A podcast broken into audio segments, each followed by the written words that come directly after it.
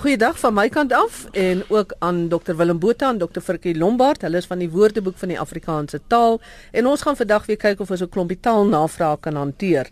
Willem, ons gaan vir jou vra om die program in te lei met 'n vraag van Jacobus Meding Ferreira en hy vra of ons weet wat in die plat sit beteken. Nou, ek weet wat beteken plat sit, maar in die plat sit. Ja, meneer Ferreira sê hy was uh, 20 jaar onderwyser in Jubertina om die waarheid te sê, hy het vir my kom kuier in my kantoor by die WAT en hy's nou 80 plus, wonderlike fikse en skerp man. Hy sê daar in Jubertina was die sê ding, ek het jou Sondag in die plat gesien sit. Dan verwys hy eintlik na die skip van die kerk. Teenoor die plat is daar nou die galery en die syvleuel en so, maar as jy in die, in die plat sit, dan sit jy nou in die skip van die kerk. Nou terwyl hy 'n onderwyser was, was hy ook skrywer en kassier en ouderling en wat alles. Nou vertel hy dat as daar nou 'n vinnige besluit moes geneem word, dan het hulle 'n spesiale komitee gehad en hulle het dit nie 'n dagbestuur genoem nie. Hulle het dit die spoedeisende komitee genoem. So hy het ook gedien in die spoedeisende komitee. En dan het hy ook in die tugkomitee gedien. Nou een keer was haar op die agenda punt eh, of op die agenda was nou 'n jong paartjie wat oor die tou getrap het en die die agenda punt het soos volg gelei voorhuwelikse koneksie. Daar is so baie uitdrukkings en nuwe benamings wat mense skep waarvan 'n mens nooit hoor nie, soos hierdie in die plat sit. Ek hou baie daarvan. Ja. Mm. 'n mm. Kollega van my het nou die middag op Charlotte tyd gesê, uh, Marietta Kreer dat sy het gehoor mense verwys na jou vloekvinger. Mm. Ons almal weet wat dit is. Ja, die vloekvingertjie. Die vloekvingertjie. Ja. Dis nou vir my 'n baie mooi beskrywing. Ja, dit, dit kom van 'n seentjie wat vir sy ma vertel het sy pa die vloekvingertjie gewys het hulle gery. Dit waar dit vandaan kom. ja. Hy gaan klik. Goed Frikkie, ons gaan na jou toe. Dora wil hê dat poligamie, poligynie en polihandrie bespreek word. Ja, Dora, miskien moet 'n mens maar begin by waar kom hierdie dinge vandaan en uh Ek begin by die gamie gedeelte wat ons ook ken. Ons praat ook van polygam of bigam of monogam. Dit kom uit die Grieks gamos wat huwelik is. Nou as jy 'n monogamie het, beteken dit daar's een huweliksmaat. 'n Bigamie dan jy twee van 'n van 'n bepaalde soort as huweliksmaat. Poly, die Grieks beteken baie. Die normale een wat ons ken is poligamie. Dit beteken net twee en meer huweliksmaats. Polygynie, die die genie gedeelte kan ons ook sê hou verband met ginekoloog want dit kom uit die Grieks gune wat vrou is. So poligynie is twee en meer vroue as huweliksmaat. Polyandrie is dan die teenoorgestelde, daardie ander of ander beteken man, dis dan twee of meer mans. Ons ken ook die woord androgeen en dan kry jy iets soos androgyn wat beteken met manlike en vroulike eienskappe. Willem Pieter van Pretoria wil weet hoekom ons die woord adoons vir 'n bobbejaan gebruik. Adoons kom van Adonis. Nou die normale betekenis van Adonis is 'n beeldskone jong man. En dit kom uit die Griekse mitologie waar Adonis die naam was van 'n beeldskone jong prins op wie Venus verlief was. Nou in Afrikaans is dit omvorm tot Adoons op skertsende wyse en ons maak dit van toepassing op 'n bobbejaan. Daar's 'n spesifieke term hiervoor, maar dit dit kom neer op kultuurverlaging. Iets verhewe word verlaag, dit word op 'n laag iets van toepassing gemaak. En ons het dieselfde gedoen met Valentinus. Nou Valentinus is 'n heilige in die Rooms-Katolieke Kerk en ons omvorm dit nou nou toe tot Valentyn en ons gebruik dit vir 'n donkie. Dit is 'n aardige verskynsel in Afrikaans dat ons verhewe dinge verlaag en gebruik vir minder verhewe voorwerpe of lewende wesens. Nou, deesdae word dit nogal as negatief beskou. Vroeger was dit nou baie spottenderwys aangewend as jy nou 'n valtuin vir iemand noem of jy noem vir iemand 'n bobbejaan. Dit het nou verander, daai kan ek maar sê die emosie of die gevoelswaarde daarvan. Nee, wat ek dink dit word nog steeds aanvaar as maar 'n skertsende gebruik in Afrikaans. Ek dink gelukkig of ongelukkig weet niemand dat valtuin uh, afgelei is van Valentinus byvoorbeeld nie. En Valentino weet ook nie ons sê vir 'n donkie valtuin nie. glad nie, glad nie. Frikkie Meltre sou vra dat ons oor die woord verda gesels. Mel, dit is interessant. Die woord kom ook al 'n ver pad met ons. Ek dink dis in die Suid-Afrikaanse oorlog gebruik. Nou kom ons begin maar waar waar kom hierdie woord vandaan? Hoe hoe is hy saamgestel? Die Nederlands ken verda, maar dit gaan terug na die Duitse taal toe En dit is eintlik 'n inkorting van wer ist da of wer geht da. Wie is daar of wie gaan daar? Wie loop daar? En dit is gebruik wanneer 'n brandwag byvoorbeeld iemand gehoor het of iemand vaagweg gesien het dan het hy gesê Verda. Met ander woorde wie is daar? En dan moes die persoon hom identifiseer. En as die persoon natuurlik nou nie uh hom kon identifiseer dan was daar nou moeilikheid vir hom geweest. Ek dink dit het in die in die in die oorloë die sê maar die soos die Suid-Afrikaanse oorlog of dan die Anglo-Boereoorlog soos dit ook bekend is, het dit as 'n soort shibboleth gedien want die Afrikaanse mense wat wat weet waar hierdie ding vandaan kom met Verda gebruik en die Engelse sou dit nie kon ken nie. So as jy nie antwoord op so 'n uitroep nie, dan uh, is daar op jou geskiet. Dit was dus 'n manier van die wagte om seker te maak dat die persone wat daar is wat nader kom of wat hulle in die donker hoor is 'n uh, vriend en nie 'n vyand. Willem Frans van die Kerk van Vryheid vra hoe die uitdrukking om haasbek te wees ontstaan het. Ek kan maar net my verbeelding gebruik. Haas uh, word dikwels met twee uitstaande tande geteken.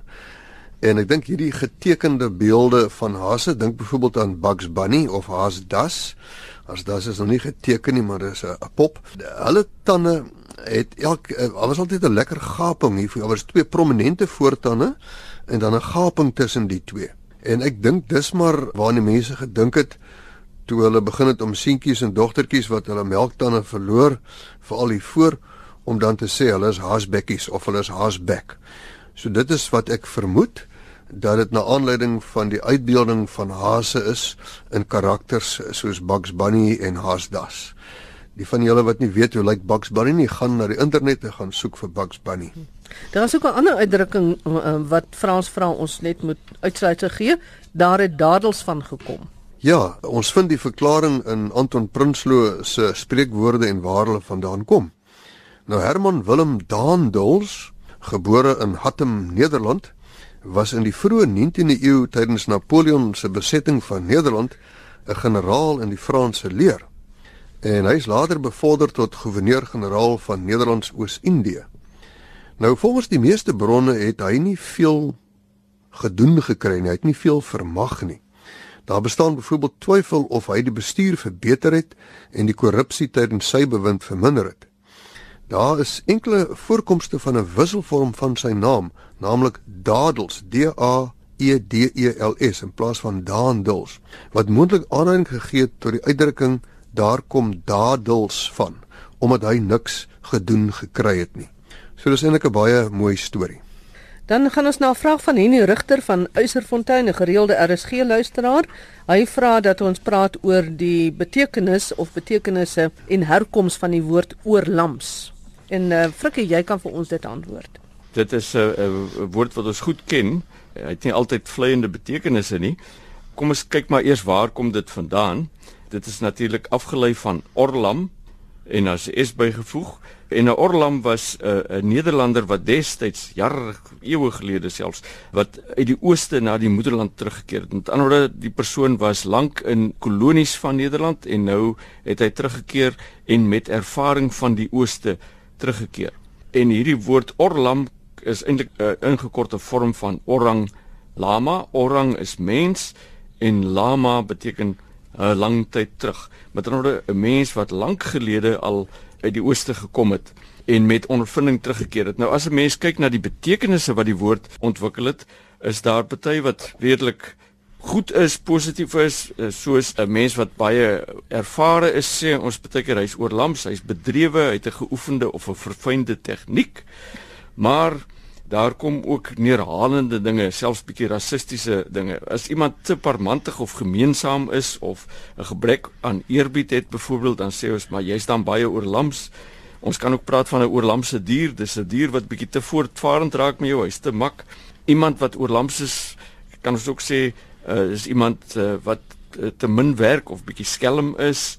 En daar is selfs ook gesê mense wat oorlams is, is mense wat nou Suid-Afrikaanse gewoontes veral die gewoontes van die tyd des jare met die kolonie se stigting wat die taal leer ken het wat die gewoontes en die kultuur en die leefwyse van sê maar wit mense leer ken het was dan ook oorlams geweest. Daar was ook 'n groep die oorlams met 'n hoofletter geskryf.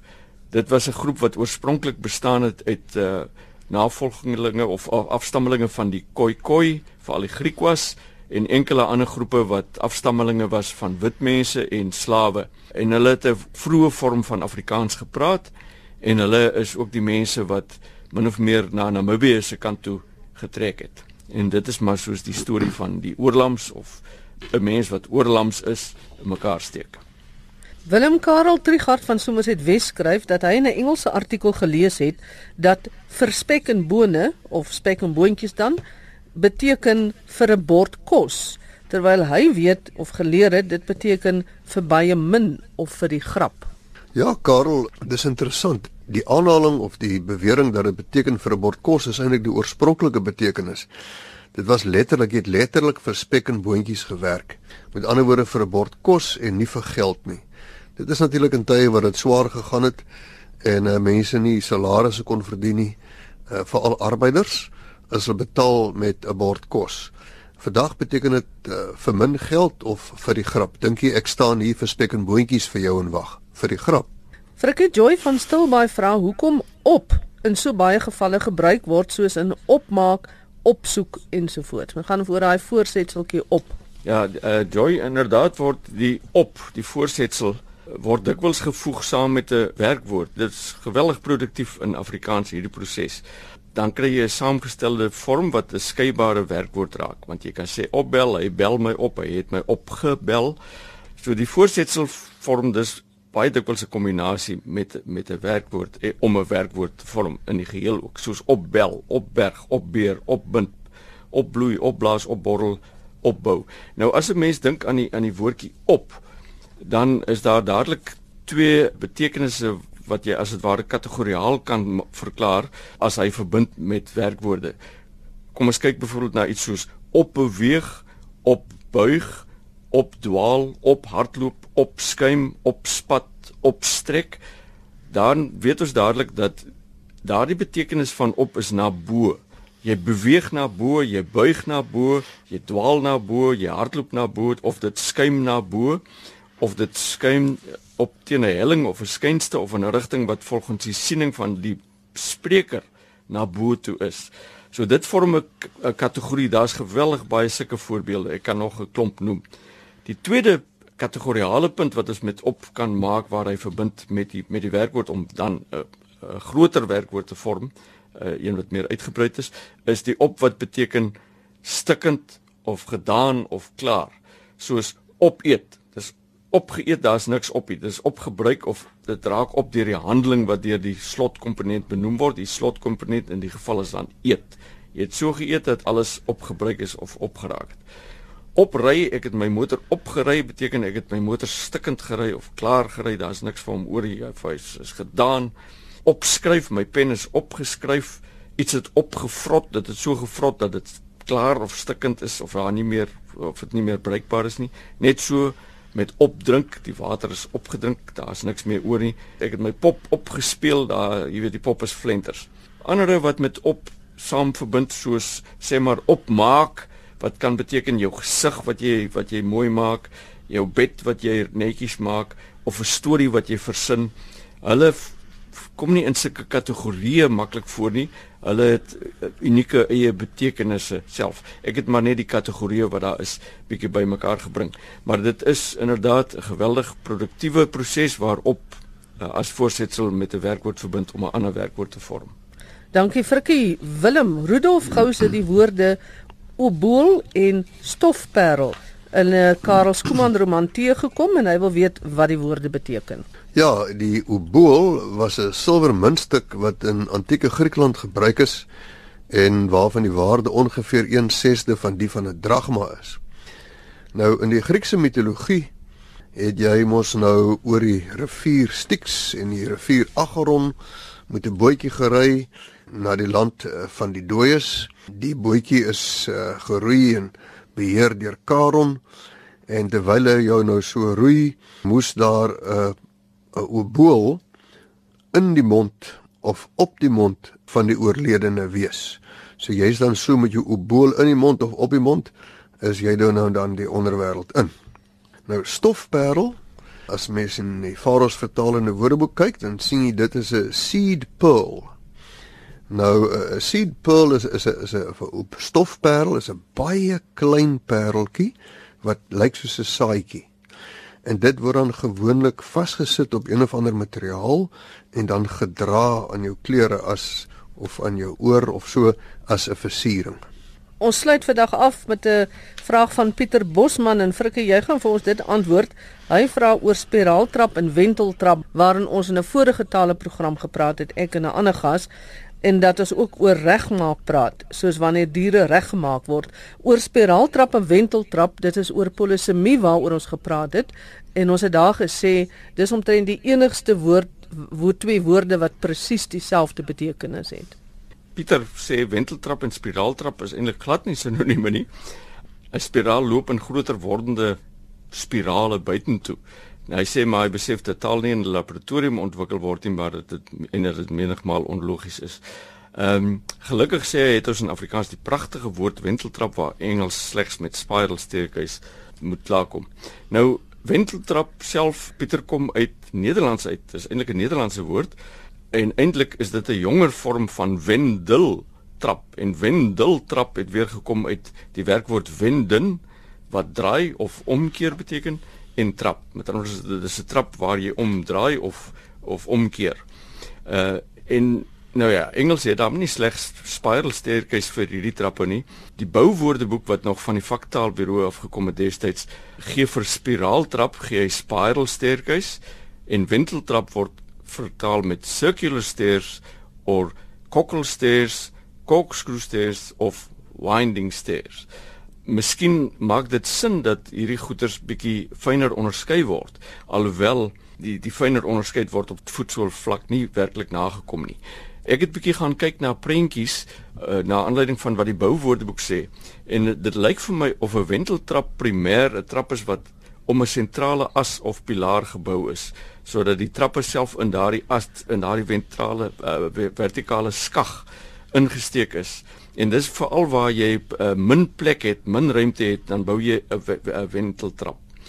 'n Spiraaltrap kan inderdaad wees 'n trap wat rondom 'n denkbeeldige middelpunt groter of kleiner verloop afhangend van waar 'n mens jou bevind en wat dan so uitwaaier en al groter word soos soos wat 'n spiraal dit eintlik doen wat Pieter dan ook gesê het. 'n Mens kan byvoorbeeld kyk na die trappe wat uh, in die Vatikaanstad se museums is, is tipies sulke groot spiraaltrappe of die Guggenheim Museum in New York se spiraaltrappe, reuse trap uiteindelik. En miskien is daar genoeg redes om wel 'n onderskeid te maak tussen wendeltrap en spiraaltrap, maar soos ek sê, die dinge loop sommer te mekaar in die gewone taalgebruik. Nou daar kom ons aan die einde van ons program. Dankie Dr Willem Botha en Dr Frikkie Lombard. Mag julle wenteltrap julle na nuwe hoogtes neem in die komende week. Groete van my Magtleen Kreer.